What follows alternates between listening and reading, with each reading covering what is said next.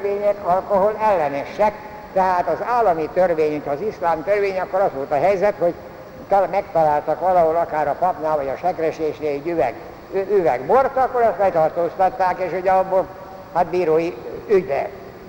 Persze a Szent se tudta azért, hogy a, azért megoldották ám az iszlámok is, hát hadd mondjak csak egy személyes kis érvényet, amikor 78 vagy 79-ben a nővérkémnél voltam Ausztriába, hát ott a Korostornak a kocsiját akkor egy török vendégmunkás ö, vezette, és engem valahova elvitt, és én meg szerettem volna köszönni neki, de az ég adta világon semmi is volt, egy, egy grosnim nem volt, de volt a táskámban egy pici kis tokai szamorodni. És mondom ennek a szerencsétlennek, hogy mondom, én tudom, hogy ti nem isztok alkoholt, de hát de én nem tudom mással megköszönni most ezt a kedvességedet, elajándékozod valakinek, fogadd el. Erre azt mondja az a török, miért? Hát ebben semmi probléma nincsen. Kelet felé fordulva persze, hogy nem lehet inni, de, de nyugat felé fordulva, a felé mindjárt megitta ott a helyszínet. Hát ezt csak úgy mellékesen mondom, de ténylegesen így oldotta meg a Jóisten, hogy tudtam misézni, mert a szőlőlé is elegendő volt a Szent Atya rendelkezése szerint. Na most még egy másik kérdésre is térjünk át. Az áldozati liturgiának van ide az eucharisztikus imádsága, és az is eléggé komoly változatosságot jelent. Ez is a második vatikáni zsinat után az egyes honi nyelveken. A svájciak eléggé, eléggé lelkesek voltak, valami 40-et is produkáltak, hát aztán a Szentszék ezért ezt egy kicsikét lecsökkentette, manapság nálunk Magyarországon a Magyar Püspöki Kar tíz különféle eucharisztikus imádságot engedélyezett. Az első az a római kánon, amelyik 400 esztendeig latinul volt, ebben szerepel a 12 apostol, 12 vértanú, azoknak a nevei, akiket Rómában ismerősek voltak. Ez egy eléggé hosszú, hosszadalmas, ez az első kánon, ez egyszerűen lefordítva az, amit a Tentózsinat előre ír. A második eucharisztikus imádság az a legrövidebb, de ezt pedig eléggé sokszor szoktuk hétköznaponként mondani, mert e, igaz, hogy legrövidebb, de a második vatikáni zsinat után ez Szent Hippolytus szövegére megy vissza 215-ből. Ugye a mai napnak a szentje, a Szent Justinus, annak 164-ből van egy írása, ami a vasárnapi szentmiséről beszél, de ez a 215-ből származó Hippolytus féle kézirat, ez majdnem pontosan ugyanaz, hanem néhány szó különbség van, mint ami a második eucharisztikus imádságunk, tehát ez tulajdonképpen a legesleg ősibb. A harmadik és a negyedik eucharisztikus imádság az mondjuk nagyon ősi hagyományokra épül, de egészen új keletű. Nagyon érdekes volt. Közvetlenül a második vatikáni zsinat előtt adta ki az a milánói bencés, a Pater Vagagiani Ciprián, az első hat évszázad mindenféle eucharisztikus imádságai. Abba volt hát arámot az nem, az, az arámot nem kaptak ilyen kéziratból, de volt görög, volt latin, volt káld, volt szír, volt örmény, amilyen talált az első hat századból, azt kritikai kiadása volt, és a vatikáni zsinaton megkérték, hogy ezekből állítson össze egy egységes eucharisztikus imádságot, össze is állított a nyugatiakból, nagyon érdekes, az eléggé erősen az áldozat jellemet, jellegét és Krisztus megváltásának a jellegét emelik ki ősi szövegek alapján. A negyedik az a keletiekre épül, az pedig az üdvösség történetet. Azt így tudjuk megismerni, az a leghosszabb tulajdonképpen. Az üdvösség történetét is belefoglalja az eucharisztikus imádságba. Azután van az ötödik, meg a hatodik a gyermekmiségben. Ez szintén egy egészen nagy újítása a második vatikáni zsinatnak, mert ez párbeszédes formába oldja föl, hogy a gyerekeket be lehessen vonni az eucharisztikus imádság szövegébe. Természetesen ez csak olyan helyen lehet, ahol állandóan ugyanazok a gyerekek megszokják a különböző válaszokat, és tudják mondani a választ, és együtt tudják ténylegesen a pappal az eucharisztikus imádságot végezni. Itt a, szintén van egy kis különbség, a ötödik az az egészen picinyeknek, a hatodik az már az első áldozók számára készül. A hetedik eucharisztikus imádság az a kiengesztelődés kánonja, ez nagybőti időre, bűnbánati szentmisékre, mert kifejezetten a bűnbánat gondolatát építi bele az eucharisztikus imádságba. Ez is eléggé új keletű, de a régi 6.-7. századi szövegekre megy vissza. A 8., 9., 10. az svájci eredetű, említettem, hogy Svájcban zsinat után talán 40-et is megszövegeztek. Nagyon érdekes az volt a feladat számukra, hogy olyan érthető módon szövegezzék meg az eucharisztikus imádságot, hogyha valaki bejön a templomba, hát az is megérse. Mert ugye azért a mi egyházi szókincsünk egy kicsikét más, mint az egyszerű embernek a szókincse, úgyhogy ebbe a három, én már a másodikat mondtam, biztos, hogy észrevették, az, már úgy értem ebből a háromból a másodikat, tehát az, az egész sorozatban a kilencediket mondtam, de ténylegesen mindenki megértheti, annyira közérthető, modern nyelven van megszövegezve.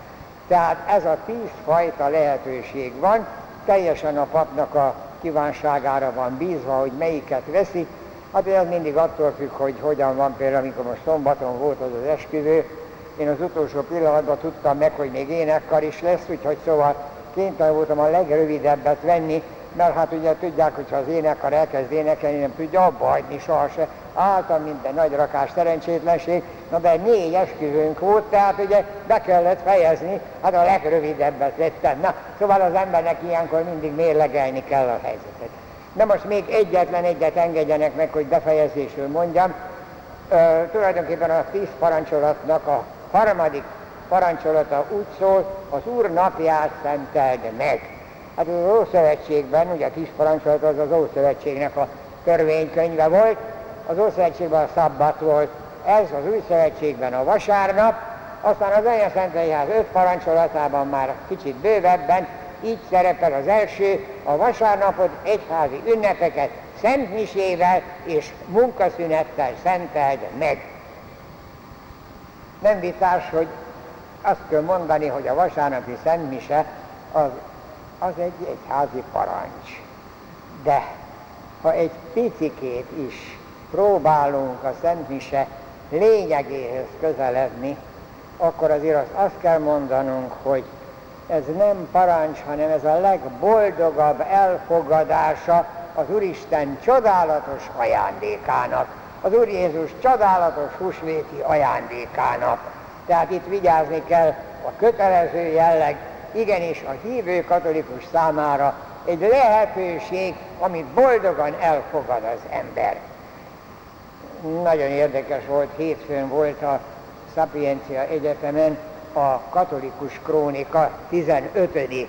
éves évfordulója, tudják a Téglási Feri ennek a vezetője, és hát ő szokta egyes miséket is közvetíteni, és most kapott az Erdő Péter adott át neki egy nagy vatikáni kitüntetést, a nyakával egy nagy kitüntetést kapott, és a laudációt a, az, előtte a laudációba szerepelt az, és az nekem nagyon tetszett, hogy a Téglási Feri, amikor egy televíziós közvetítést ad egy vasárnapi szentmiséről, akkor elmegy egy szentmisére, mert a televízió közvetítés nem lehet tisztességes szentmisének minősíteni, mert akkor ő annyira el van foglalva mindenféle feladattal, és mindig el szokott menni külön egy szentmiséért, hogy legyen egy tisztességes vasárnapi szentmiséje. Szóval itt most azért, ha, ha szabadjon azt mondanom, hogy itt minden a lelkiismeretre megy. Én a Szent Jónásban tudom, hogy jönnek, hogy nem voltam háromszor szentmisén, meg kórházba voltam. Hát a kórházban is van, ahol van szentmise, van, ahol nincsen szentmise, na de lehet, hogy olyan fekvő beteg, hogy nem tud a szentmisén ott lenni, na de ez nem bűn. A gyóntatószékben a bűn az a. Oda tartozik, tehát lelkiismeretben ne legyen valaki megterhelve akkor, amikor hát úgy dönt, hogy én most nem tudok szentmisén részt venni. De ez lehet ugye egészségi vonalon, én, én télen akkor szoktam mondani, hogy 80 év fölött az világ minden kincsére el ne induljon a, a sikos úton, mert egy szomnyaktörés sokkal több bajt okoz a családnak is, meg őnek is, saját magának is, és az Úristen nem olyan bunkófejű, nem a Szent Mise megvetéséből, hanem a külső körülmények miatt marad el a Szent Mise. Persze azt azért mondom, hogy a vasárnapi Szent hétköznap nem lehet pótolni, erre nyugaton kezdtek most rá, rá állni, hogy a hétvégét adjuk szabadságnak, és a vallásnak legyen egy hétköznap valami ünnepnapja, ugye, hát az nem megy. A vasárnap az vasárnap. Aztán még egy, azt szintén a gyontatószékben szoktam hallani, hogy hát nem voltam szennyiség, de a televízió megnéztem. Hát a betegeknek nagyon sokat jelent a televízió megnézni, kétségtelen, vagy rádión meghallgatni, de aki a templomba el tudott volna menni, csak hát ugye jobb a televízió előtt pizsamában lenni, mint ugye hát eljönni, fáradni, az nem megy, szóval a, a rádió és a televízió nem helyettesítheti. Aztán még egy záró gondolatként megdöbbentem azért többször szintén a gyontatószékből tudom, hogy hát manapság előfordul, hogy valaki azt mondja, hogy három évvel ezelőtt gyont utoljára, hát akkor megkérdezem, hogy hát miért? Hát nem volt semmi bűnöm, ugye, mert hát ugye Istenem honnét lenne bűne, de aztán ezért mondom, hogy nézze, akkor magácska két esztendeje már nem volt katolikus, mert ugye egy katolikusnak a minimum az, hogy ugye húsvéttájt szentáldozáshoz, engyónáshoz, szentáldozáshoz járuljon. Na de hát én minden vasárnap áldozok, mondja, ha mondom, akkor magácska egy kicsit vakmerő, hát azért három évvel szentgyónás nélkül szentáldozáshoz járulni.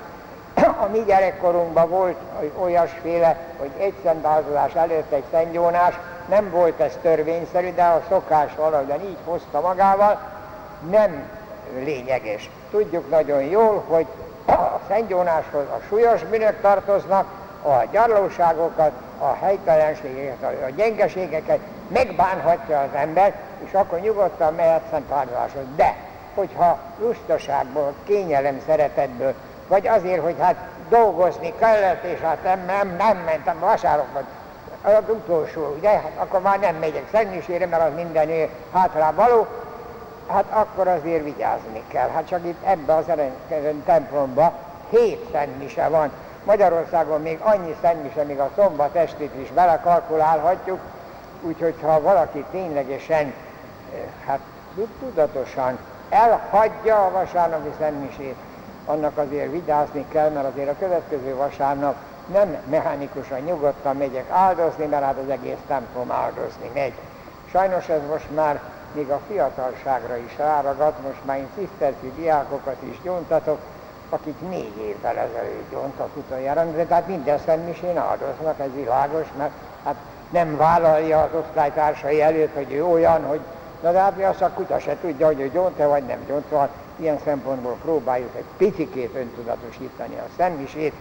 Ezzel én most nem akartam elrontani az utolsó katekézis, de azt hiszem azért ezek a gyakorlati apróságok is beletartoznak abba, hogy mi azt a csodálatos kincsünket, amit szentmisének nevezünk, vagy eucharisztiának nevezünk, vagy a legelső időben kenyértörésnek, az utolsó vacsora ünneplésének neveztek, hogy ez egy olyan kincs, aminek nem tudunk eléggé köszönetet mondani, hogy a Jóisten ezt a lehetőséget megadta nekünk, és éppen ezért mi, akik itt vagyunk, holdbiztosra veszem, hogy nem kötelességből járunk vasárnap szentmisére, hanem boldogan fogadjuk az Úristennek ezt a csodálatos ajándékát. Ezzel szeretném befejezni, és utolsó alkalommal egészen különösen az Úristennek az áldását adni. áldjon meg bennünket, mindannyiunkat, az mindenható és irgalmas Isten, az Atya, a Fiú és a Szentlélek. Amen. Kedves Laci Jaj, nekem. Valamennyiünk nevében tisztelettel és szeretettel köszöntöm Laci Köszönjük, hogy az oltári szentség évében a felnőtt katekézis témájául második Pál, János Pál pápa buzdítását választotta. Ráirányította figyelmünket az utolsó vasora eseményeire és szövegének kulcsszavaira, valamint azok mélységeire. Arról, hogy a Szent Mise misztérium, vagyis látható jelek általában végbe menő, láthatatlan isteni eseménye. Hogy Szent Misénk végső soron nem mi, hanem Jézus Krisztus mutatja be. Köszönjük Placidatyának, hogy fáradtságot nem ismerve tanított minket az Eucharisztia szentséges misztériumára. Áldja meg érte a mindenható Isten, ezért imádkozzunk két szeptemberi vasárnapon is, 11-én és 18-án reggel a 8 órai Szent Misébe. Még egyszer köszönjük. Nagyon-nagyon szépen köszönöm, hát ez most mindenkinek szól, nagyon szépen köszönöm. Tudják, hogy én nagyon nehezen fogadom el az ilyen apró hát kellemetlenségeket, köszöneteket, de mi azért annyira összeszoktunk itt most már az utolsó 27 évben, a jó Isten enged ez a 27. esztendő a fölnőtt katekézisben, és én mindig olyan nagyon nagy hálával vagyok mindenki iránt, akik kitartottak, észrevették, hogy azért készülni szoktam rá, és szívem lelkemet beleadom, és talán egy picikét segítek éppen a szentmisébe, hogy ezt a csodálatos kincsünket minél boldogabban átélhessük. Ezt kívánom mindenkinek, dicsértessék a Jézus Krisztus!